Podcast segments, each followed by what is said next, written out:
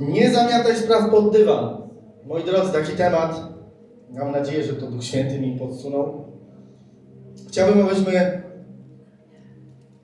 dzisiaj potraktowali to naprawdę nie tylko jako teoria, ale jako praktyka też, bo praktyka czyni mistrza. Dlatego będziemy mieć taki czas, w którym będziemy słuchać słowa, nauczania, ale potem będę Was zapraszał do tego, abyśmy się otwarli na tą przestrzeń, na Ducha Świętego, który ma działać w nas, aby był czas na praktykę. Będziemy mogli wyjść do przodu, jeżeli tylko Duch Święty poruszy Cię, to będzie, będziemy wzywać Was do przodu, żebyśmy byli gotowi łamać niektóre rzeczy. I chciałbym zacząć od, pierwszego, od listu Jakuba, pierwszy rozdział, 22 werset do 25. Prowadźcie zaś słowo w czyn, a nie bądźcie tylko słuchaczami oszukującymi samych siebie.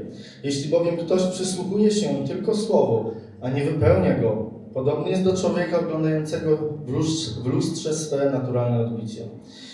Bo przyjrzał się sobie, odszedł i zaraz zapomniał, jakim był. Kto zaś pilnie rozważa doskonałe prawo, prawo wolności i wytrwa w nim, ten nie jest słuchaczem skłonnym do zapominania, ale wykonawcą dzieła, wypełniając je, otrzymał błogosławieństwo.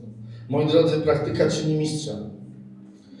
Mam nadzieję, naprawdę mam nadzieję, że będę dzisiaj mówił oczywiste oczywistości i nikogo z Was nie zaskoczę, ale myślę, że czasem trzeba o tym przypominać, nawet o takich oczywistych rzeczach. A może powiem coś, z czym się nie zgadzacie, ponieważ troszeczkę chciałbym poruszyć temat. Powiem tak, często możemy słyszeć, my chrześcijanie nic nie musimy, my jesteśmy wolni. Jak ja już coś muszę, to jest religia. Ale ja bym chciał spojrzeć na pewną sprawę, o której myślę, że Biblia zachęca nas do konkretnej postawy jako chrześcijanie, że są takie sfery, w których raczej coś powinniśmy. Chciałbym zacząć tą historię od pewnego wydarzenia, w którym brałem udział jakieś 8 lat temu. Czy ktoś kojarzy taki, taki event, który nazywa się Czwarty Muszkieter? Nikt nie kojarzy. E, jest to takie wydarzenie międzynarodowe, w wielu krajach się odbywa e, i w Polsce odbywało się 8 lat temu pierwszy raz, było na pierwszej edycji. W skrócie mówiąc, około 100 hopa jedzie w góry na 3 dni. Biorą nam telefony, biorą nam aparaty, zegarki, nie mamy, mamy zero kontaktu z, ze światem zewnętrznym. Zaczęło się od tego, że przyjechaliśmy w pewne miejsce w góry i przez 3 godziny musieliśmy iść. Mieliśmy za zadanie dwie rzeczy. Nic nie mówić i rozważać przez te trzy godziny, dlaczego tam jesteśmy. To jest chrześcijańskie wydarzenie. I każdy z nas miał troszeczkę inny powód, dlaczego się tam znalazł, dla kogo się tam znalazł, co chce osiągnąć, po co w ogóle tam jest. I mniej więcej były, były różne tematy, różne zadania przez te trzy dni, ale mniej więcej to się wszystko, to wszystko krążyło wokół tego, co wypracowałeś, to pytanie, na które odpowiedziałeś sobie na początku, po co tam jesteś? Troszeczkę zaskoczyła nas pogoda, to był chyba kwiecień, ale spadł taki śnieg do pasa, nie wszyscy byli na to przygotowani, ale to tylko dodało smaczku. I mieliśmy naprawdę różne fajne zadania, ale jedno z nich zapamiętam chyba do końca życia. Mieliśmy za zadanie przejść w górę rzeki, przypominam, spadł śnieg, było zimno, mieliśmy za zadanie przejść w górę rzeki, rzeką i mieliśmy na sobie tylko, powiem po śląsku, batki, czyli bieliznę i buty. A w ręku mieliśmy Biblię. I mieliśmy za zadanie nie zmoczyć Biblii. Moi drodzy, byłem cwaniakiem i pomyślałem sobie, no to jak zamoczę się do kostek, no to jestem w rzece, tak? Wiecie jak rzeka wygląda w górach? Kamienie, ja nie wiem, jak, jak to jest możliwe, że ona nie zamarza, bo tam było chyba minus 10 stopni w tej wodzie. Wszedłem do wody, no i cisnę sobie brzegiem, ale jestem w wodzie, liczy się. Idę sobie, idę i w pewnym momencie na śliskim kamieniu zaliczyłem taką glebę, upadając na biodro, chyba lewe.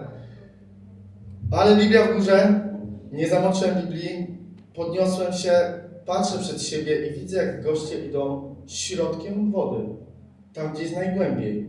I sobie myślę, hej, przecież jak wejdę w sam środek, to woda otacza, bo ten nurt nie był taki jakiś super wartki, ta woda otacza mnie z każdej strony i nie jestem w stanie tak łatwo się przewrócić jak na śliskim kamieniu. Więc wszedłem. Początek był przerażający, szczególnie okolica pasa. Okolice pasa do zamoczenia dla faceta to jest wyzwanie. Wszedłem i idę i mówię, idzie się naprawdę lajtowo. Oczywiście wiadomo, zimno i tak dalej, ale idzie się bezpiecznie. Woda otacza się z każdej strony, jakby cię wspierała. I na sam koniec tego, tego eventu mieliśmy taki czas, który mogliśmy się podzielić, czego doświadczyliśmy i tak dalej. Fajne rzeczy chłopaki mówili, ale ja wyszedłem wtedy i powiedziałem właśnie to doświadczenie, ponieważ ono pokazało mi obrazowo bardzo fajną rzecz i ważną, że problemy, które nas spotykają w życiu, nie są po to, aby je omijać i iść brzegiem, ale są po to, aby wejść w sam środek i je rozwiązać. I powiedziałem, że będę pamiętał to i pamiętałem to naprawdę przez trzy miesiące codziennie. Jak się tylko kładłem na ten lewy bok, to od razu sobie przypominałem. I chyba Bóg naprawdę to, tego użył, żebym zapamiętał to do końca życia. I jesteśmy tylko ludźmi, moi drodzy, i problemy będą nas spotykały, czy z naszej winy, czy z nie z naszej winy. Najgorsze, co możemy zrobić, to olać te problemy, czyli przysłowiowe zamieść to pod dywan. Ten problem nie znika. Ten problem jest cały czas. Tylko my udajemy, że go nie ma. I może się tak wydarzyć, że w pewnym momencie w naszym życiu zaliczymy mocną glebę, zahaczając o tą fałdę na dywanie. Tak jak ja zaliczyłem glebę na kamieniach. Ale wiecie, co jest jeszcze gorsze? Że wiemy, w których miejscach mamy te fałdy i tak lawirujemy naokoło w naszym życiu, żeby tylko nie natrafić na to miejsce. I przez to nie jesteśmy w stanie, nie możemy w pełni korzystać z wolności w naszym życiu. Nie możemy w pełni korzystać z naszego życia. Bo wiemy, których miejsc musimy unikać, i nie jest, bo nie jesteśmy w tych miejscach bezpieczni. Ponieważ, ponieważ jest to niewygodne. Jest to ciężkie. Mówię o rozwiązywaniu tych problemów. Ale zakopując rzeczy pod dywan, zamiatając rzeczy pod dywan, Jesteśmy narażeni na zatwardzenie swojego serca. To jest naprawdę bardzo niebezpieczne. To z pozoru jest wygodne i łatwe. Zasłaniam oczy, nie ma czegoś. Nie rozmawiam o czymś, to mnie nie dotyczy. Ale to tam cały czas jest, a nasze serce tego nie widzi. I jest zatwardziałe z dnia na dzień. Im dalej, im dłużej, tym ciężej. Wyobraźcie sobie, bo myślę, że to jest jedna z rzeczy, która najciężej nam przychodzi. I ja nie mówię, że ja jestem w tym perfekcyjny, ale ja jestem świadomy, że Bóg przy nawróceniu dał mi to w serce, takie spojrzenie na tę sprawę. Bo widzę to w swoim życiu, że często próbuję to stosować, o czym teraz powiem, ale to nie jest łatwe. Wyobraźcie sobie, że to jest oś czasu. I w tym miejscu w naszym życiu coś się wydarzyło. Tutaj jest rozwiązanie. Tu jest sytuacja, która się wcześniej wydarzyła, która może doprowadziła do tego konfliktu w naszym życiu. I my często rozwiązując spory, czy z kimś bliskim lub mniej bliskim, czy spory, które wychodzą czasem od nas, a czasem od kogoś, my rozwiązując te spory, skupiamy się na tym problemie, który się wydarzył. I to jest oczywiste, tak? No bo problem trzeba rozwiązać. Ale patrząc na problem, skupiając się na nim, rozmawiając o tym problemie z perspektywy tego wydarzenia, pozwalamy często, żeby ten problem urósł w naszych oczach. Karmimy się tym problemem. Bardzo ważne w tym momencie, gdy zbadamy całą sprawę, to nie może być pochopnie zrobione oczywiście. Musimy poświęcić na to czas. Dlaczego to się wydarzyło? Zastanowić się, co spowodowało, co spowodowało, że ta osoba może mi to zrobiła, albo co spowodowało, że ja komuś coś zrobiłem, lub że mnie to spotkało. Gdy już do tego dojdziemy, to rozmawiajmy o tych problemach z perspektywy tego miejsca, w którym jest rozwiązanie. Jak doprowadzić do, do kogoś, z kim rozmawiamy, do miejsca, w którym jest rozwiązanie, bo może on nie wie, jak tam dojść, albo nie widzi, co zrobił. Atakując to miejsce, atakujemy tą osobę i to jej nie pomaga wcale.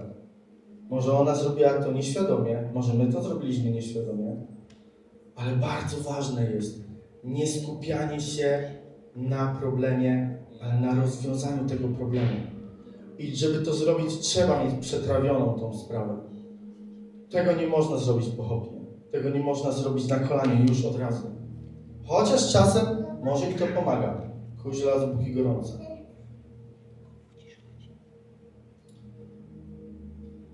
Wiecie, dlaczego nie możemy tak bardzo skupiać się na tym problemie? Ponieważ podobno mózg ludzki nie jest w stanie wyobrazić sobie negacji. O czym mówię? Nie pomyślcie teraz o zielonym słoniu. Myślicie teraz o zielonym słoniu. To jest naturalne. I my, załatwiając jakąś sprawę, gdy podchodzimy do tego nie z perspektywy, jak ją rozwiązać, jak spotkać się z tą osobą, z którą mamy konflikt, w miejscu, gdzie jest rozwiązanie tego, jak tam ją zaprowadzić, siebie tam zaprowadzić, tylko skupiając się, co mnie spotkało, dlaczego mi to zrobiłeś, dlaczego mi to zrobiłaś, dlaczego mnie to spotkało. My karmimy tą sytuację. Wyobrażajmy sobie, jak dojść. Zadawajmy sobie pytanie, jak dojść do miejsca, w którym jest to rozwiązanie. To naprawdę bardzo wiele zmienia. Wtedy w rozmowie z kimś naprawdę jesteś w stanie sobie wyobrazić, dlaczego ktoś odpowiada w taki dziwny sposób. Bo on jeszcze nie patrzy na to rozwiązanie, jeszcze go nie widzi. Ty staraj się widzieć to rozwiązanie. Może nie wiesz, jakie jest rozwiązanie, ale szukaj go i prowadź te, te, te rozmowy prowadź z takiej perspektywy, gdzie jest cel, nie gdzie jest problem.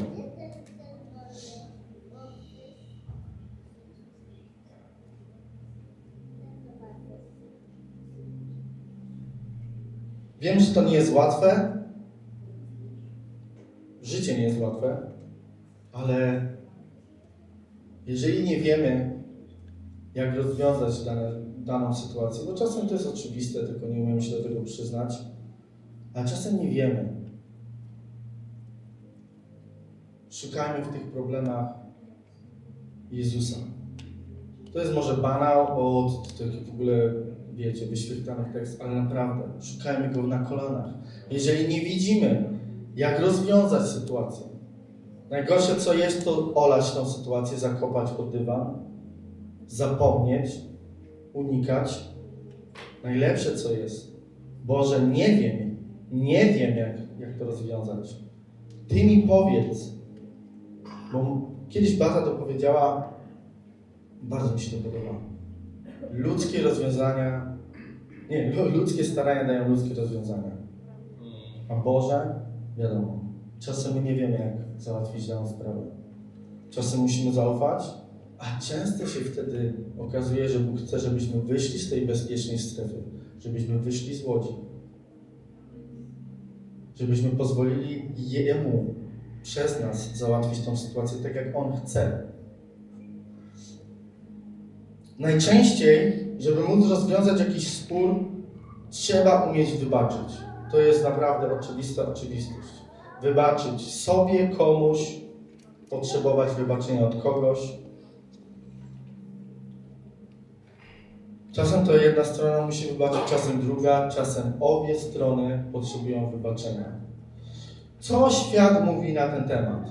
Nie jestem psychologiem, ale troszeczkę poczytałem, mam internet.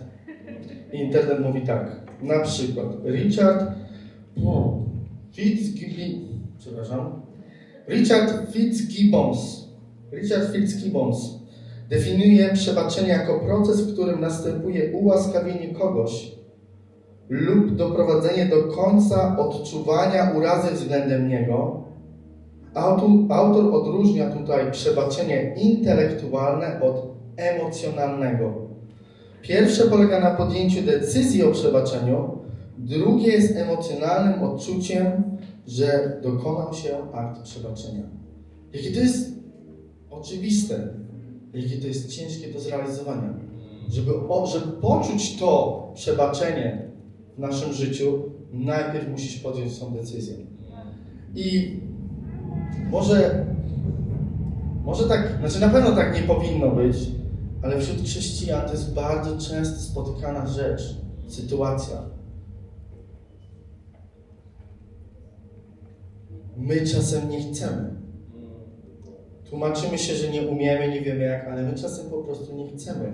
Bo chcemy być w tej sytuacji, chcemy ją karmić. Może mamy z tego jakiś benefit, może ona jest jak, jakąś formą bezpieczeństwa, może to jest wyciągnięte z dzieciństwa, nie nauczyliśmy się rozwiązywać sytuacji, to umiemy, nie chcemy czegoś nowego i nie chcemy podjąć decyzji. Ja nie wiem jak Boże, ale ja chcę wybaczyć. To jest pierwszy krok. To Ty mi powiedz, jak to przejść, jak otwieram się na Ciebie, jak to zrobić. Ja tego nie wiem, ale ja tego chcę. Jak ja się modliłem o nawrócenie, to ja powiedziałem, że może Cię nie ma, Boże, ja teraz marnuję czas. Ale jeżeli jesteś, to ja Cię chcę. Chwyć mnie i już mnie nigdy nie puść. I Bóg to zrobił, bo jest. I z przebaczeniem tak samo jest. Nie wiem jak, ale ja chcę. Ty mi pokaż jak. Daj mi tą mądrość na przyszłość, żebym wiedział już jak. Jest też bardzo ciekawa rzecz, która dotyka, to nie tylko chrześcijan, ale bo nie tylko chrześcijanie są duchowymi ludźmi, tylko wiadomo, są różne duchy. Jest Duch Święty i inne duchy. Ale jest coś takiego jak spiritual bypassing. Po polsku duchowy eskapizm. Przeczytam Wam definicję. Przeczytam. Termin ten został po raz pierwszy użyty przez amerykańskiego psychologa klinicznego i psychoterapeutę Johna Wellwooda. Powiedział on, że duchowy eskapizm to skłonność do używania duchowych idei i praktyk, aby ominąć lub uniknąć nierozwiązanych problemów emocjonalnych, ran psychicznych i niedokończonych zadań rozwojowych. I moi drodzy, druga rzecz. Jeżeli wypieramy ze świadomości trudności, traumy i bolesne doświadczenie z życia, to zamieniamy, to zamiatamy je tylko pod dywan. Byłoby fajnie, gdyby wtedy zniknęły, ale bardziej prawdopodobne jest, że zaczną fermentować i dziwnie pachnieć. I my jesteśmy na to narażeni. My jesteśmy narażeni na duchowy eskapizm. Ponieważ czasem, myśląc, że wypełniamy się Bogiem, My po prostu Bogiem zasłaniamy rzecz, którą Bóg chciałby, żebyśmy wyprostowali. Ale co mówi Biblia na ten temat? Na temat wybaczania, na temat niezakopywania rzeczy pod dywan. Będziemy teraz trochę skakać po Biblii, ale głównie wokół Mateusza. Moi drodzy, Mateusza 5, 23, 24.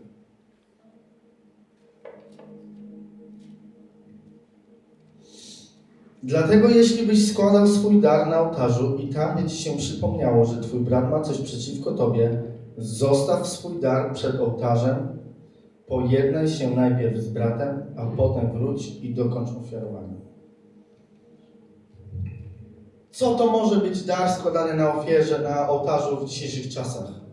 Wszystko. Twój czas dla Boga, Twój czas w Kościele, Twoje uwielbienie, Twoje prorokowanie, Twoja służba w kościele dziecięcym. Wszystko, do czego Bóg Cię powołuje. Jeżeli jest rzecz, o której wiesz, że jesteś z kimś niepojednany, Bóg mówi najpierw idź to załatw. Ja nie chcę pustego uwielbienia, pustego prorokowania. Ja nie chcę pustej służby. Ja chcę praktyków, nie teoretyków. Idź najpierw i załatw to, co wiesz, że trzeba załatwić, a co może zasłaniasz. Żebyś był zdrowy, żebyś mógł w pełni korzystać ze swojego życia. W pierwszym momencie, gdy idziesz coś wyprostować, gdy idziesz komuś wybaczyć, tak naprawdę pomagasz sobie. Moi drodzy, Marka 11, 26, 25. Czytamy tutaj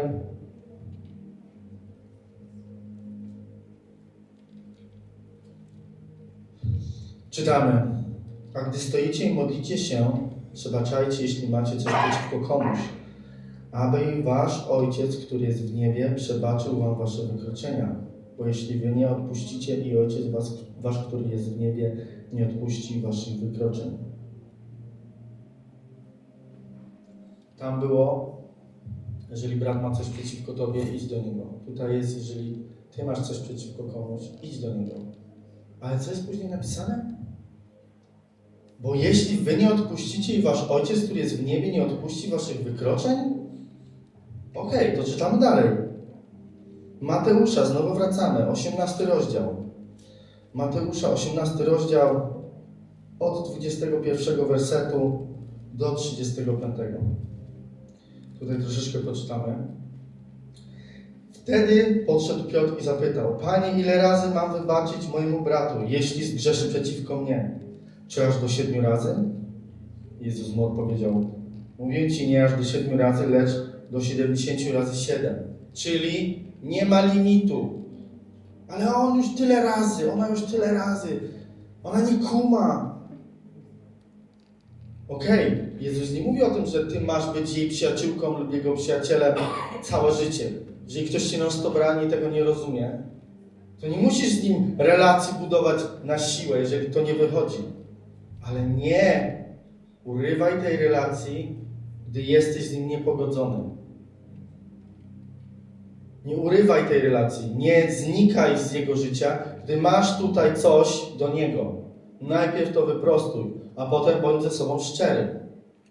Może to tak długo trwa, że może trzeba zniknąć na jakiś czas. Ale nie znikaj, nie rozwiązując problemów.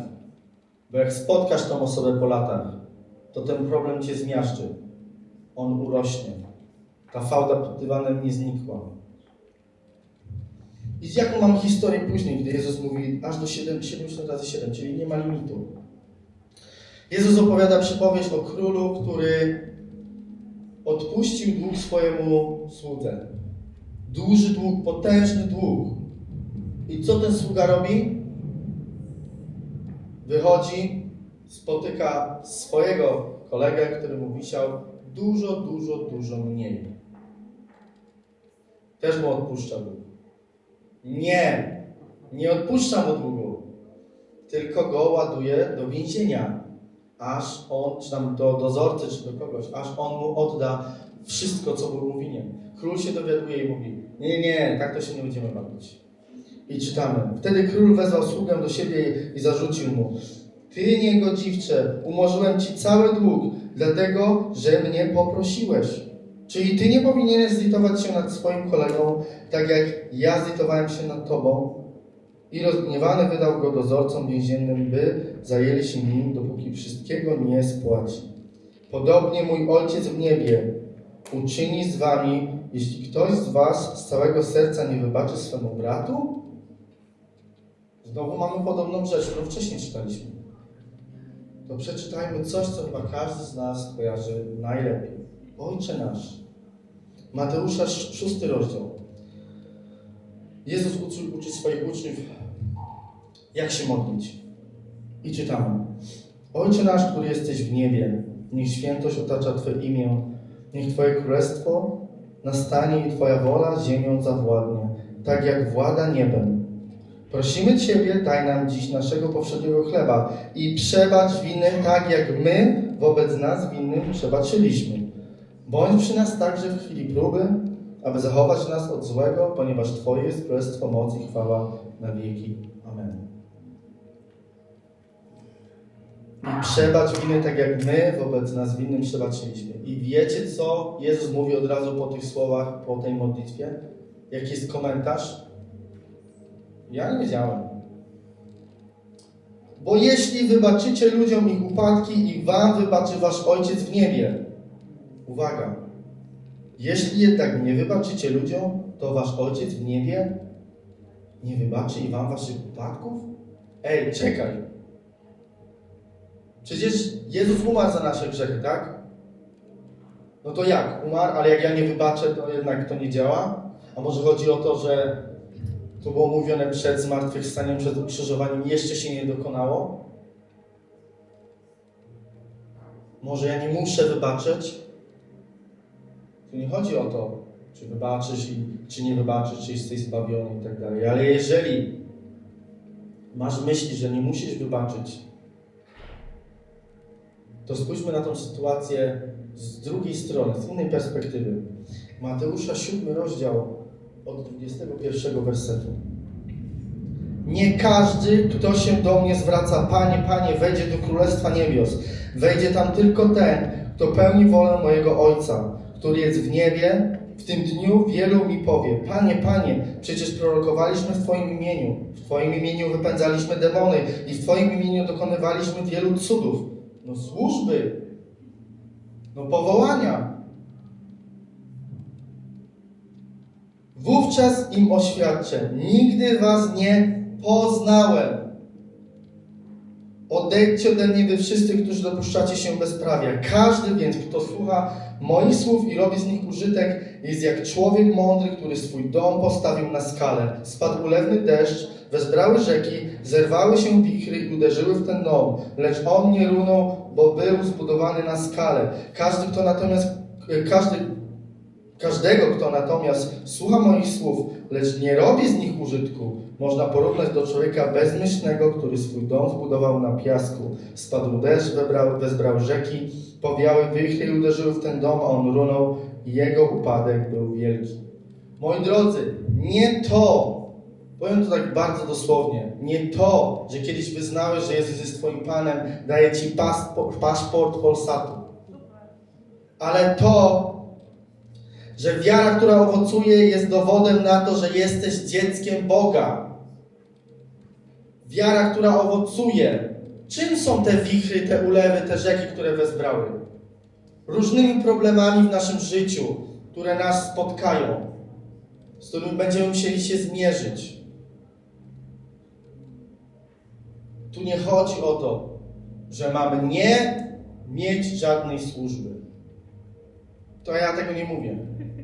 Ale ja mówię o tym, że zanim służba będzie miała czas w Twoim sercu, w Twoim miejscu, w Twoim życiu, w Twoim czasie, czas w Twoim czasie, oczyść to miejsce dla Boga, żeby On mógł po całym tym dywanie chodzić z Tobą. Bo jak On Cię kiedyś wezwie do jednego miejsca, a Ty nie będziesz chciał wejść, bo tam jest fałda, to co myślicie, że On zrobi?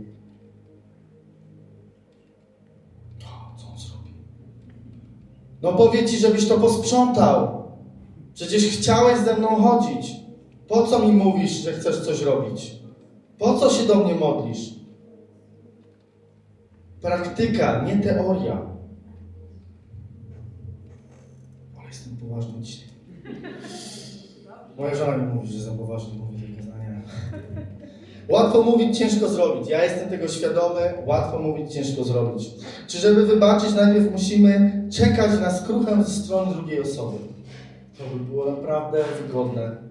I każdy by tego chciał. Ale pomyśl, jakbyś był z drugiej strony. Zrobiłeś coś, możesz nie wiedzieć co, możesz nie wiedzieć, że zrobiłeś, a może wiesz, ale nie masz takiej odwagi, mądrości, żeby przyjść. I przychodzi do ciebie ktoś i ci mówi, że ci wybacza. Ale co mi wybaczasz? Że nic takiego nie zrobiłem. Ja ci wybaczam. To mnie dotknęło, zraniłeś mnie, ale ja nie chcę obciążyć cię tym. Ja ci chcę wybaczyć. Jak to zmienia w ogóle perspektywę? Bardzo fajnie i wygodnie jest, jakby ktoś przyszedł i się ukorzył. A, nie zrobiłem.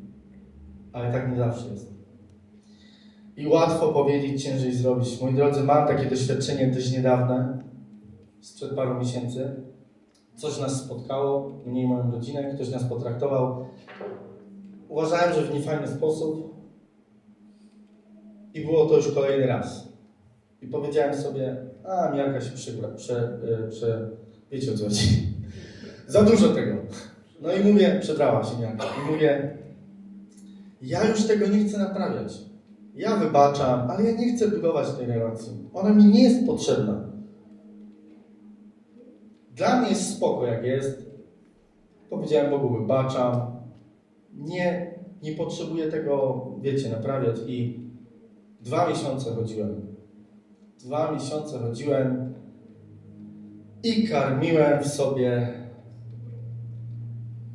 Nie wiem, to chyba jest ten eskapizm. O, ja wybaczyłem. Nie, jestem kwita, nie? Dobrze jest. Ale unikałem tego miejsca, bo tutaj to pod dywan zakopałem. I parę razy się zdarzyło, że się spotkałem z tą osobą. Moje oczy tak. Nie patrzyłem, bo nie umiałem. Ale ja wybaczyłem, ja nie mam z tym problemu. Tylko mi już nie zależy. Dwa miesiące byłem przekonany, bo to ktoś mnie zranił. O, ta osoba tego nie widzi. A powinna. I wiecie co? Bóg użył jednej grupy domowej, na którą się przygotowywałem. Adrian dał super werset. I czytałem naokoło tego wersetu. Przeczytam Wam na koniec fragment, którym Bóg pokazał mi, że to, co ja nazywam wybaczeniem, nie jest wybaczeniem. I mówi wprost. Albo to urywasz, ale z klasą, albo wybaczasz, ale naprawdę.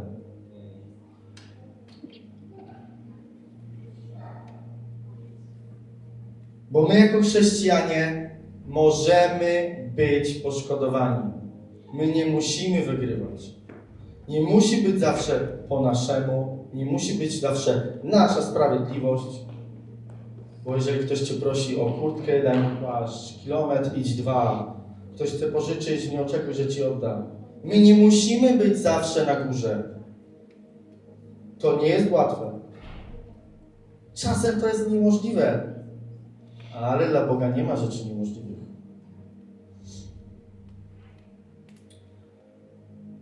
Gdy Szymon Piotr powiedział do Jezusa, aby przyszedł do niego po wodzie, to jest ciekawe, że to Szymon Piotr, w ogóle zapomniałem o tym, ale że to Szymon Piotr miał ten pomysł.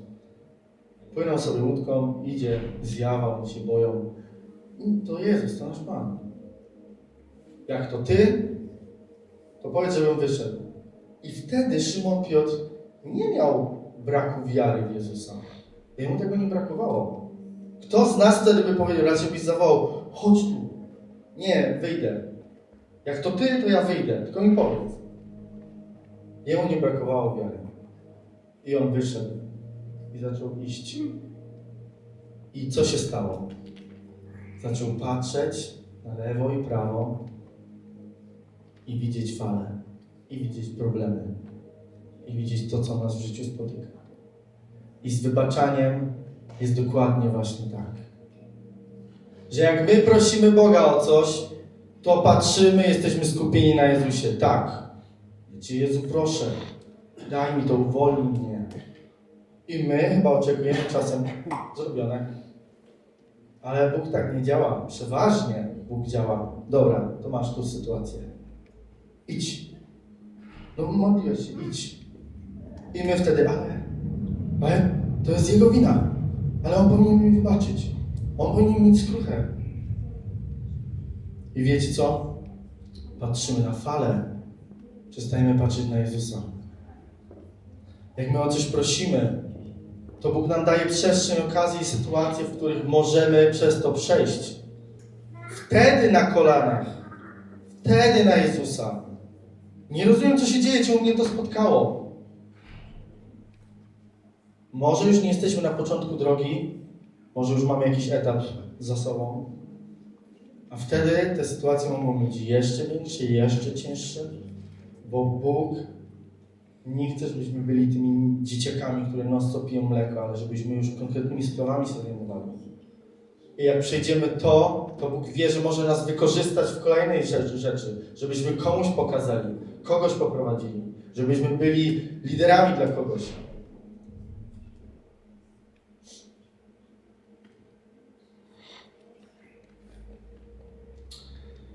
I moi drodzy, obojętnie, naprawdę obojętnie, czy musisz wybaczyć komuś, czy ktoś Tobie musi wybaczyć, czy to w szkole, w pracy, w kościele, w rodzinie. A może musisz wybaczyć sobie, a może musisz wybaczyć Bogu. Może tak jest. Obojętnie. Może coś cię spotkało, może kiedyś podjąłeś decyzję, może ktoś ci coś zrobił. Obojętnie, w każdej z tej sytuacji.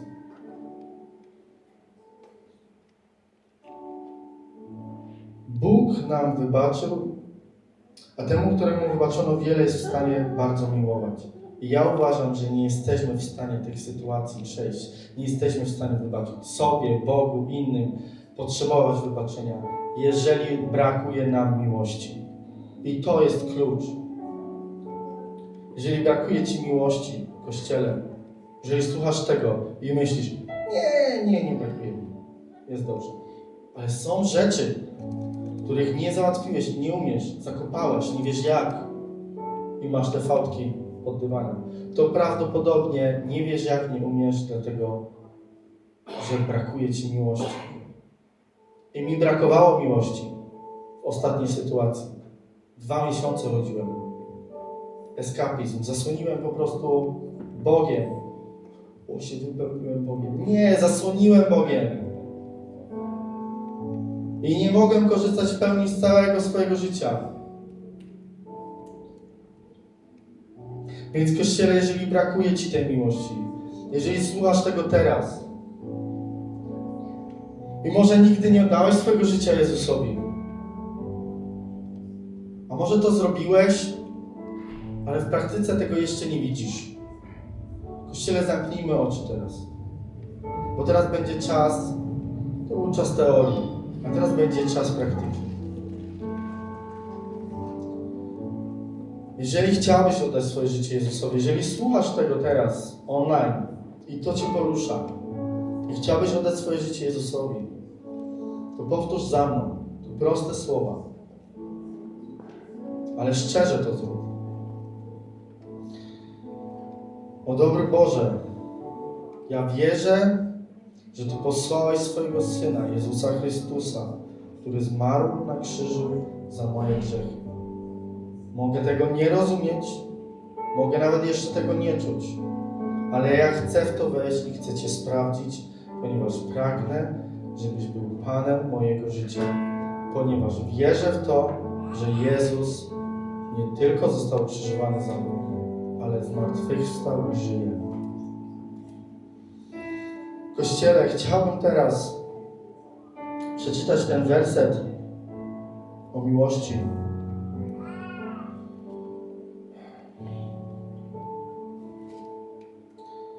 W którym Bóg po dwóch miesiącach uleczył mnie i pokazał mi, że to, co ja nazwałem wybaczeniem, nie jest wybaczeniem. Gdy będę czytał ten fragment i będzie coś, co Cię będzie dotykało, będzie coś, co Cię zakuje lub coś Cię nie zaniepokoi, idź z Duchem Świętym w to miejsce. Módlmy się Kościele teraz. Jak skończę już czytać, zostańmy w ławkach i dajmy przestrzeń, będziemy uwielbiać za chwilę jeszcze Boga, ale dajmy przestrzeń, żeby Duch Święty mógł działać, mógł nam pokazywać może rzeczy, może te fałdy, które, o których zapomnieliśmy, których nie widzimy, a jak będziesz gotowy, to zapraszam Cię, wyjść do środka, będziemy się modlić o to. Pochylmy teraz nasze głowy.